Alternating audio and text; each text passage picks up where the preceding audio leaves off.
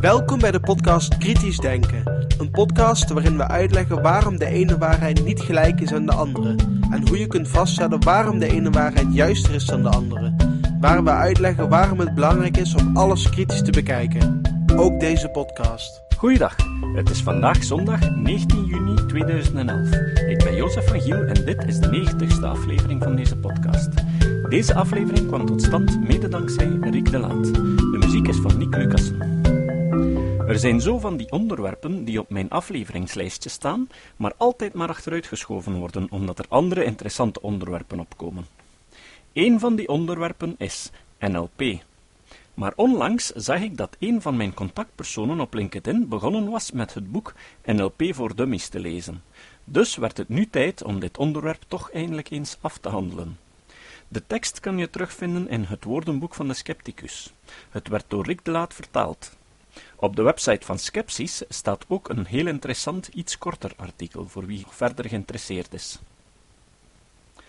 Neurolinguistisch programmeren. Ik denk dat als je creatiever wil worden, je niet alleen strategieën bij andere mensen, meervoud, moet uitlokken, maar ze ook zelf repliceren. Je moet zelfs de strategieën van anderen wijzigen en een strategie hebben die nieuwe creativiteitsstrategieën creëert op basis van zoveel prachtige toestanden als je kunt ontwerpen voor jezelf. Dus, in zekere zin, is het gehele gebied van NLP een creatieve tool, want ik wilde iets nieuws creëren. Richard Bandler Neurolinguistisch programmeren, NLP, is een van de vele New Age Large Group Awareness Training programma's. NLP is een concurrent van Landmark Forum, Tony Robbins en legio andere ondernemingen die, zoals de sofisten van het oude Griekenland, van stad naar stad reizen om hun wijsheid tegen vergoeding te onderwijzen. Robbins is waarschijnlijk de meest succesvolle promovendus van NLP.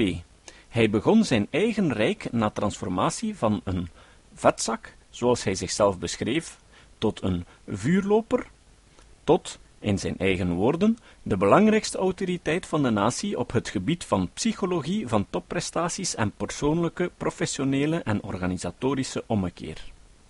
De oprichters van NLP, Richard Blander en John Grindler, zouden het daar wel eens niet eens mee kunnen zijn. NLP heeft voor elk wat wils voor zieken en gezonden, natuurlijke personen of rechtspersonen. NLP is een manier om door groepsonderwijs, en liefst zoveel mogelijk tegelijk, gezonde individuen te veranderen. Maar het wordt ook toegepast voor individuele psychotherapie van problemen zo divers als fobieën en schizofrenie.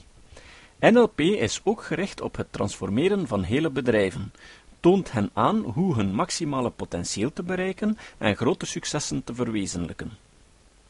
Wat is NLP? NLP begon in het midden van de jaren 70 door een taalkundige, Grindler, en een wiskundige, Bendler, die zich sterk interesseerden voor a. succesvolle mensen, b. psychologie, c. taal en d. het programmeren van computers. Het is moeilijk om NLP te identificeren, omdat degenen die ermee begonnen en diegenen die er nu mee bezig zijn, zo'n vage en dubbelzinnige taal gebruiken, dat het begrip NLP voor verschillende mensen een andere inhoud heeft. Hoewel het mogelijk is om een consistente beschrijving van NLP te vinden bij diegenen die beweren deskundig te zijn, blijft één metafoor altijd terugkomen. NLP beweert mensen te helpen veranderen door hen te leren hun hersenen te programmeren. We kregen hersenen, wordt ons verteld, maar geen handleiding. NLP biedt je een gebruiksvriendelijke handleiding voor de hersenen. De hersenenhandleiding lijkt een metafoor voor de NLP-opleiding, die soms wordt aangeduid als software voor de hersenen. Bovendien leunt NLP, bewust of onbewust, sterk op 1. De notie van de onbewuste geest die het bewuste denken en handelen voortdurend beïnvloedt. 2. Metaforisch gedrag en spraak, met name voortbouwend op de methoden die gebruikt worden in Freuds droominterpretatie. En 3. De hypnotherapie ontwikkeld door Milton Erickson. NLP is ook sterk beïnvloed door het werk van Gregory Bateson en Noam Chomsky. Een rode draad in NLP is de nadruk op het aanleren van een sliert communicatie en overredingsvaardigheden en om zichzelf met behulp van zelfhypnose te motiveren en te veranderen. De meeste NLP-beoefenaars maken op het web reclame voor stoute beweringen dat ze gewoon iedereen kunnen helpen om eender wat te doen. Het volgende is een typisch voorbeeld. NLP kan alle aspecten van uw leven op een hoger pijl tillen door de relaties met uw dierbaren te verbeteren, effectief te leren lesgeven, bij het verkrijgen van een sterker gevoel van eigenwaarde, een grotere motivatie, een beter begrip van communicatie, uw bedrijf of carrière voorthelpen en een heleboel andere dingen die te maken hebben met je hersenen. Sommige voorstanders beweren dat ze een onfeilbare methode hebben om te leren zien wanneer iemand liegt. Maar anderen denken dat dit niet mogelijk is. Sommigen beweren dat mensen alleen maar mislukken omdat hun leraren niet met hen in de juiste taal hebben gecommuniceerd. Een NLP-goeroe, Dale Kirby, informeert ons dat een van de vooronderstellingen van NLP is: niemand is verkeerd of gebroken. Waarom dan proberen te remediëren? Aan de andere kant maakt wat de heer Kirby aan begrijpelijks over NLP zegt, het nu ook weer niet erg aantrekkelijk. Bijvoorbeeld zegt hij dat volgens NLP er niet zoiets bestaat als mislukking. Er is alleen feedback. Werd NLP door het Amerikaanse leger uitgevonden om hun onvolledige successen uit te leggen? Toen de Space Shuttle enkele minuten na de lancering ontplofte, waarbij iedereen aan boord dood bleef, was dat alleen feedback? Als ik mijn buurman steek en dat dan het uitvoeren van niet-selectieve chirurgie noem, beoefen ik dan NLP? Als ik in dronken toestand met een mes in mijn zak voor de bedreigingen van een ex-vriendin gearresteerd word, ben ik dan gewoon aan het proberen om een oude vlam weer nieuw leven in te blazen? Een andere onjuiste NLP-veronderstelling is: als iemand iets kan, kan iedereen het leren. Dit komt van mensen die beweren dat ze de hersenen begrijpen en je kunnen helpen met de jouwe te herprogrammeren. Ze willen dat je denkt dat het enige dat de gemiddelde persoon van Einstein of Pavarotti of de wereldkampioen gewichtheffen onderscheidt, NLP is. Van NLP wordt gezegd dat het de studie is van de structuur van de subjectieve ervaring, maar veel aandacht lijkt te worden besteed aan het observeren van het gedrag van mensen te leren hoe ze lichaamstaal moeten lezen. Maar er is geen gemeenschappelijke structuur voor non-verbale communicatie, net zo min als er een gemeenschappelijke structuur is voor droomsymboliek. Er zijn zeker een aantal goed omschreven cultureel bepaalde non-verbale manieren van communiceren. Je kan met de rug van de hand naar een ander wijzen en daarbij alle vingers behalve de middelvinger omlaag krullen. Dat heeft een duidelijke betekenis in de Amerikaanse cultuur, maar als iemand me vertelt dat de manier waarop ik tijdens een gesprek in mijn neus knijp, betekent dat ik signaleer dat ik vind dat zijn idee stinkt, hoe kunnen we dan verifiëren of zijn interpretatie juist is of niet? Dat ontken ik. Hij kent de structuur, zegt hij. Hij kent de betekenis. Ik ben niet bewust van mijn signaal of van mijn gevoelens, zegt hij, omdat het bericht afkomstig is van mijn onderbewustzijn. Hoe testen we dit soort claims? Dat gaat niet. Wat is zijn bewijs? Het moet liggen aan zijn briljante intuïtieve inzicht, omdat er geen empirisch bewijs is om deze claim te ondersteunen. Tijdens een vergadering met de armen gekruist zitten wil niet zeggen dat iemand je probeert te blokkeren of defensief wordt. Ze kan het gewoon koud hebben, of last hebben van rugpijn, of gewoon comfortabeler zitten op die manier. Het is gevaarlijk om te veel te willen afleiden uit dat non-verbale gedrag. Gespreide benen kunnen gewoonweg wijzen op een ontspannen persoon, niet dat iemand jou uitnodigt om seks te hebben. Tegelijkertijd gaat veel van wat NLP leert over cold reading. Dit is waardevol, maar een kunst en geen wetenschap, en moeten met voorzichtigheid worden gebruikt. Ten slotte stelt NLP dat ieder van ons een primair representationeel systeem, PRS, heeft. Dat wil zeggen, de neiging om te denken in specifieke modi, visueel, auditief, kinesthetisch, olifactorisch of gustatorisch. Klinkt toch wel geleerd, niet? Het PRS van een persoon kan bepaald worden door woorden die de persoon neigt te gebruiken of door de richting van zijn oogbewegingen. Vermoedelijk zal een therapeut een betere verstandhouding met een cliënte hebben als ze een overeenstemmende PRS heeft. Niets van dit alles werd ondersteund door de wetenschappelijke literatuur. Bandler's Instituut Bandler's First Institute of Neurolinguistic Programming and Design Human Engineering heeft dit te zeggen over NLP. Neurolinguistisch programmeren, met een trademark, NLP dus met trademark, wordt gedefinieerd als de studie van de structuur van de subjectieve ervaring, wat kan worden berekend op basis waarvan en gebaseerd op het geloof dat alle gedrag structuur heeft.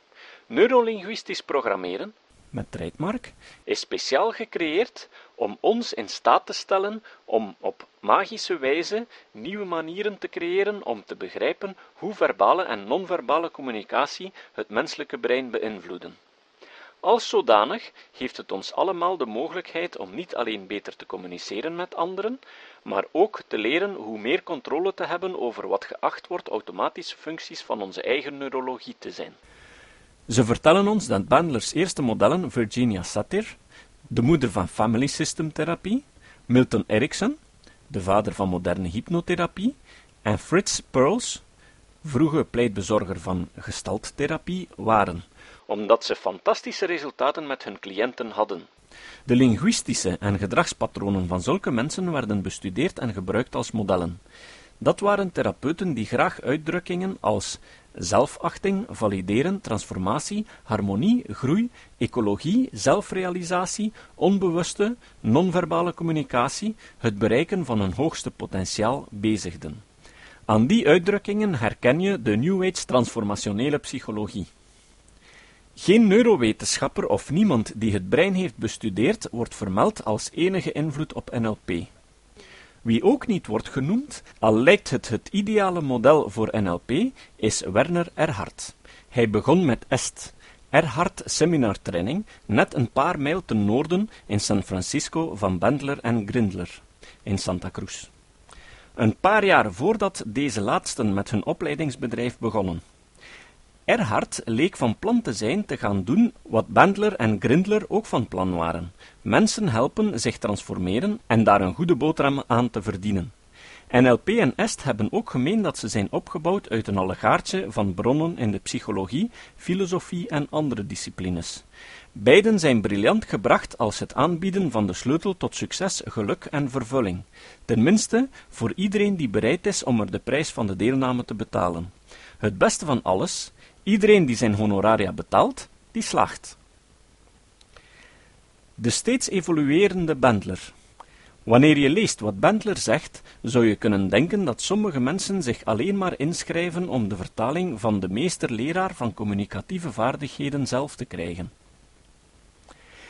Een van de modellen die ik bouwde werd strategieuitlokking genoemd. Iets dat mensen verwarren met modelleren zonder einde.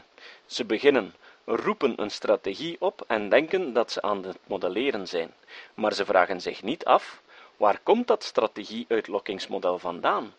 Dit model heeft zijn beperkingen omdat het werd gebouwd door het reduceren van een aantal dingen. Het strategie-uitlokkingsmodel is altijd op zoek naar de meest uitputtende opsomming van de totstandbrenging van een resultaat. Dit model is gebaseerd op sequentiële uitlokking en gelijktijdige instantie.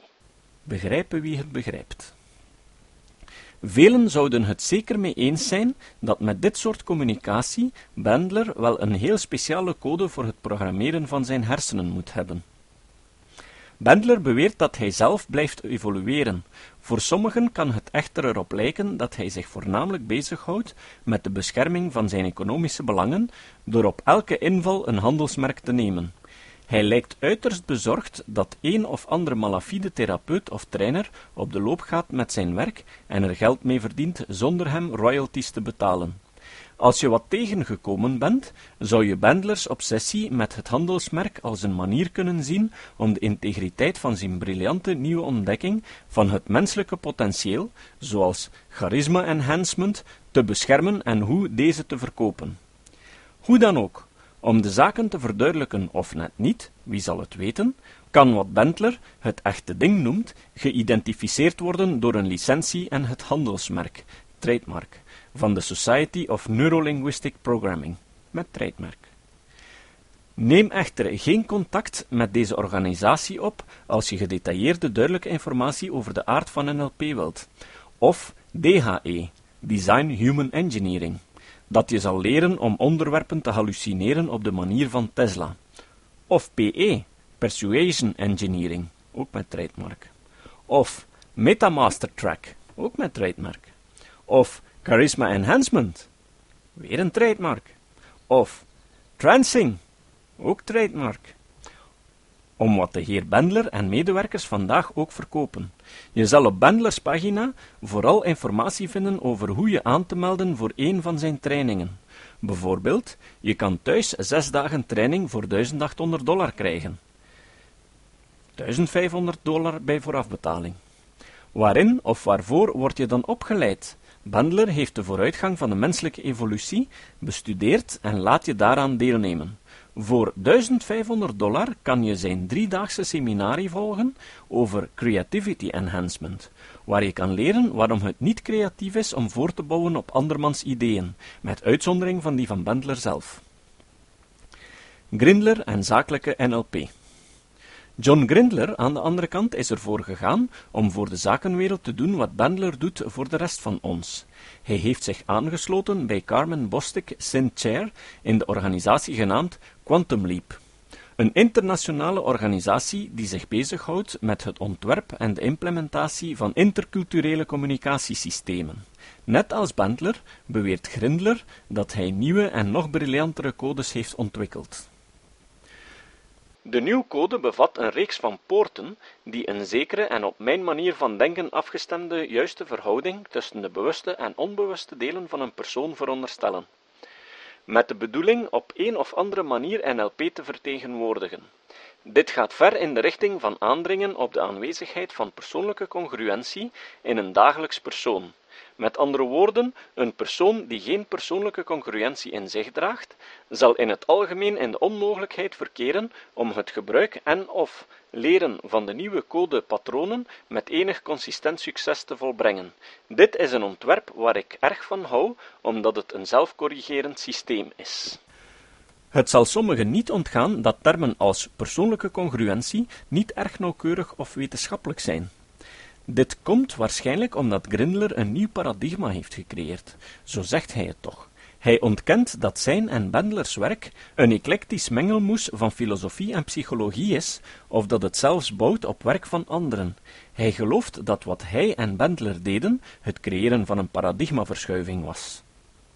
De volgende bewering van Grindler geeft enig idee van wat hij denkt wat NLP is.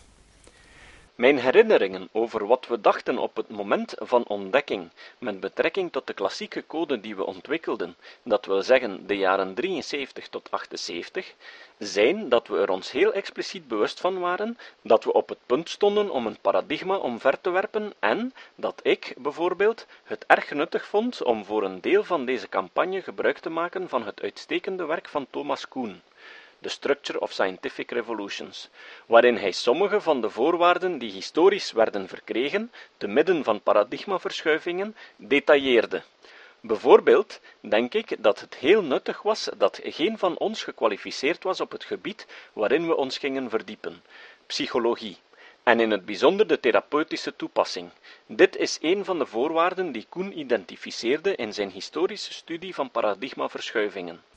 Wie weet wat Bendler zat te denken. Men kan alleen maar hopen dat Bendler niet aan dezelfde dingen als Grindler zat te denken, althans over Koens klassieke tekst. Koen promote nu niet precies het idee dat niet bijzonder gekwalificeerd zijn op een wetenschappelijk gebied een belangrijke voorwaarde is om bij te dragen aan de ontwikkeling van een nieuw paradigma in de wetenschap. Bovendien gaf Koen geen model of blauwdruk voor het creëren van paradigmaverschuivingen. Het is een historisch werk dat beschrijft wat hij meende dat zich had voorgedaan in de geschiedenis van de wetenschap. Nergens geeft hij aan dat één enkele persoon ooit een paradigmaverschuiving in de wetenschap op zijn eentje veroorzaakte, of dat zelfs maar zou kunnen. Mensen zoals Newton of Einstein konden theorieën aanbrengen die paradigmaverschuivingen nodig hebben, opdat hun theorie adequaat zou kunnen begrepen worden maar ze veroorzaakten die paradigmaverschuivingen niet zelf. Koens werk houdt in dat een dergelijk idee belachelijk is. Grindler en Bandler hadden beter Kant eens nagelezen, voordat ze met hun Don theorieën op de proppen waren gekomen. Kants Copernicaanse revolutie kon door Bandler en Grindler als een paradigmaverschuiving worden beschouwd, maar het is niet daarover dat Koen sprak toen hij de historische ontwikkeling van wetenschappelijke theorieën beschreef. Koen beperkte zich tot de wetenschap. Hij beweerde niet dat iets dergelijks gebeurde in de filosofie en hij zou zeker niet impliceren dat alles wat NLP deed of doet een paradigmaverschuiving vormt. Koen stelde dat paradigmaverschuivingen optreden na verloop van tijd als een theorie onderuit gaat en wordt vervangen door een andere.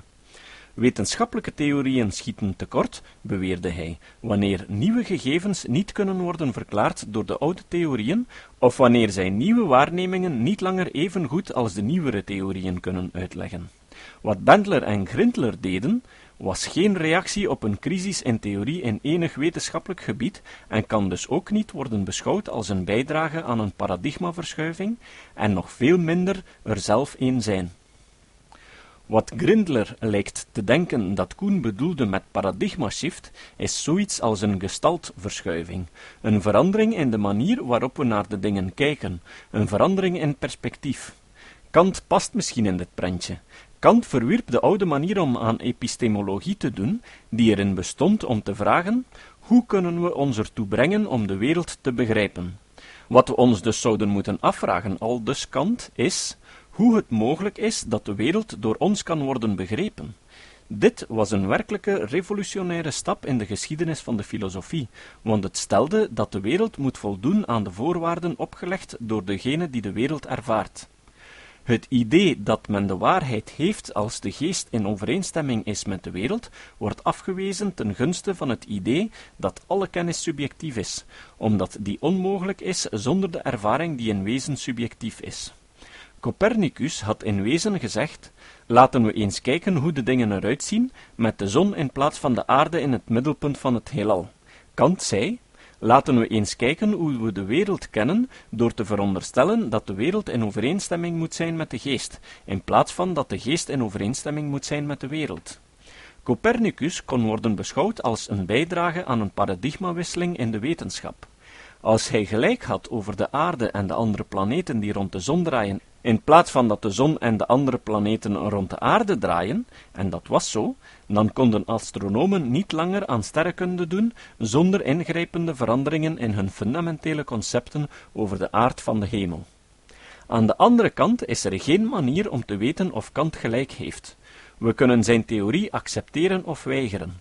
We kunnen aan filosofie blijven doen zonder Kantianen te zijn maar we kunnen niet doorgaan met aan astronomie te doen zonder het accepteren van de heliocentrische hypothese en de afwijzing van het geocentrische. Wat deden Grindler en Bandler dat het onmogelijk maakt aan psychologie, therapie, semiotiek of filosofie te blijven doen zonder hun ideeën te aanvaarden? Niets. Hebben mensen voordelen aan NLP? Hoewel ik er niet aan twijfel dat veel mensen profijt hebben aan de NLP-training, lijken er meerdere valse of twijfelachtige onderstellingen te zijn waarop NLP is gebaseerd. Hun opvattingen over het onbewuste, hypnose en de mogelijkheid om mensen te beïnvloeden door een rechtstreeks beroep op het onderbewuste zijn ongegrond. Alle wetenschappelijke bewijzen die voorhanden zijn bij zulke dingen geven aan dat wat NLP claimt niet waar is. Je kunt niet leren om direct te spreken met de onbewuste geest, zoals Erikson en NLP beweren, behalve op de meest voor de hand liggende manier van het gebruik van de kracht van suggestie. NLP stelt dat experts het denken van grote geesten en de gedragspatronen van succesvolle mensen hebben bestudeerd en daarna modellen van hoe ze werken ontleend. Van deze modellen zijn er technieken voor het snel en effectief veranderen van gedachten, gedragingen en overtuigingen die je in de weg staan ontwikkeld. Maar het bestuderen van Einstein of Tolstoys werk zouden een dozijn modellen kunnen produceren van hoe die geesten werken. Er is geen manier om te weten welke, als ze er al zijn, van die modellen juist is. Het is een raadsel waarom iemand zou denken dat een bepaald model technieken om snel en effectief veranderingen in gedachten, handelingen en overtuigingen zou impliceren.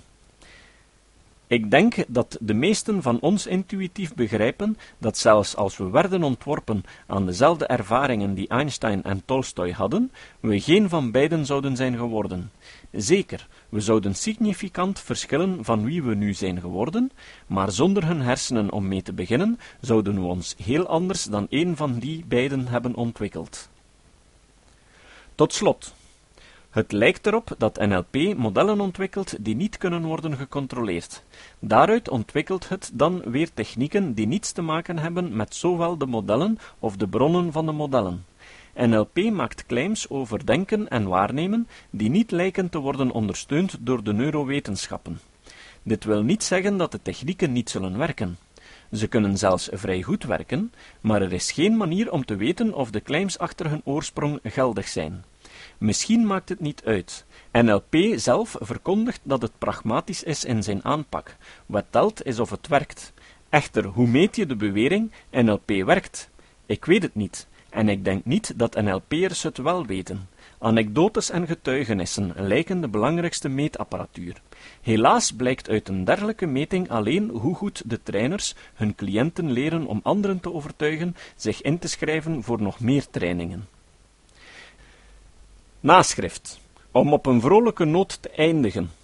Heeft Bendler Grindler voor miljoenen dollars aangeklaagd. Blijkbaar konden de twee grote communicators en paradigmavernieuwers hun eigen advies niet volgen, of misschien modelleren ze hun gedrag naar dat van zoveel andere grote Amerikanen die hebben ontdekt dat de meest lucratieve manier om te communiceren erin bestaat iemand met diepe zakken aan te klagen. NLP is groot in metaforen en ik betwijfel of deze nare rechtszaak het soort metafoor is waarvoor ze willen worden herinnerd. Is Bendlers manier een patent te nemen op een half dozijn uitdrukkingen een bewijs van een man die gewoon de integriteit van NLP wil beschermen, of is het een bewijs van een hebzuchtige megalomanie? In de Hager-ballon besluit Patrick Vermeeren met de geheime formule die Lilienfeld heeft bedacht voor NLP. NLP. Snelle oplossing plus pseudowetenschappelijke schijn is gelijk aan hoog inkomen. Het citaat. Het citaat is vandaag niet echt een citaat, maar de verklaring van Dublin over secularisme en de plaats van religie in het publieke leven. Op zondag 5 juni 2011, de World Atheist Convention in Dublin, besprak en aanvaarde de volgende verklaring over secularisme en de plaats van religie in het publieke leven. Ze vroegen om het verder te verspreiden en bespreken met vrienden en seculiere organisaties. 1. Persoonlijke vrijheden. A. Vrijheid van geweten, godsdienst en overtuiging zijn privé en onbeperkt. De vrijheid om religie te beleven zou alleen moeten worden beperkt door de noodzaak de rechten en vrijheden van anderen te respecteren. B. Alle mensen moeten vrij zijn om in gelijke mate deel te nemen aan het democratisch proces. C. Vrijheid van meningsuiting moet alleen worden beperkt door de noodzaak om de rechten en vrijheden van anderen te respecteren. Er mag in de wet geen recht zijn om niet beledigd te worden. Alle blasfemiewetten, expliciet of impliciet, worden ingetrokken en dienen niet te worden aangenomen. 2. Seculiere democratie. A. De soevereiniteit van de staat komt voort uit het volk en niet van een god of goden. B. De enige verwijzing in de grondwet naar godsdienst moet een bewering zijn dat de staat seculier is. C. De staat dient te worden gebaseerd op democratie, de mensenrechten en de rechtsstaat. Openbaar beleid moet gesteund zijn op het toepassen van de reden en niet religieus geloof, op de feiten. D. De regering moet seculier zijn. De staat moet strikt neutraal zijn op het gebied van religie en het ontbreken daarvan. Daarbij niets of niemand discriminerend. E.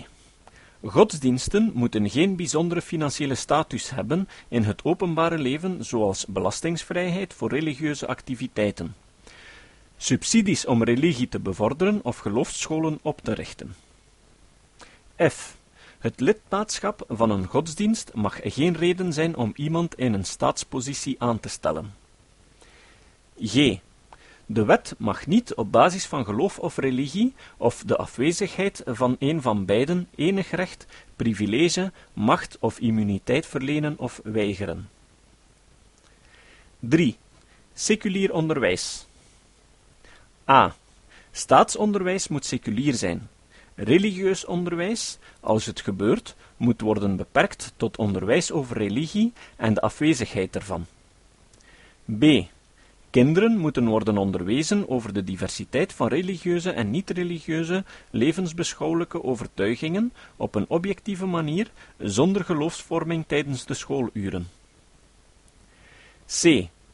Kinderen moeten worden opgevoed in kritisch denken en het onderscheid tussen geloof en reden als een gids naar kennis. Wetenschap moet worden onderwezen, vrij van religieuze inmenging. 4. Eén wet voor iedereen. A. Er moet een seculiere wet zijn voor iedereen, democratisch besloten en gelijkmatig afgedwongen, zonder bevoegdheid voor religieuze rechtbanken om civiele zaken of familiegeschillen te beslechten. B. De wet mag privégedrag niet strafbaar stellen, als de leer van welke religie dan ook dergelijk gedrag immoreel zou achten, als dat privégedrag de rechten en vrijheden van anderen respecteert. C. Het mag werkgevers of sociale dienstverleners met religieuze overtuigingen niet worden toegestaan om te discrimineren op welke grond dan ook, als die niet essentieel is voor de job in kwestie. Tot de volgende keer. Dit was de podcast Kritisch Denken. Vergeet niet om alles kritisch te behandelen, ook deze podcast. Voor verdere informatie over deze podcast, links en voor de tekst, surf naar www.kritischdenken.info. Als je deze podcast belangrijk vindt, kun je me steunen door anderen warm te maken ook eens te luisteren. Stuur een e-mail naar vrienden met een link naar de website en plaats de link in de handtekening van je e-mails. Tevens kun je op iTunes deze podcast een beoordeling geven of een recensie schrijven. Of je kan op je eigen website of blog een link naar kritisch denken plaatsen.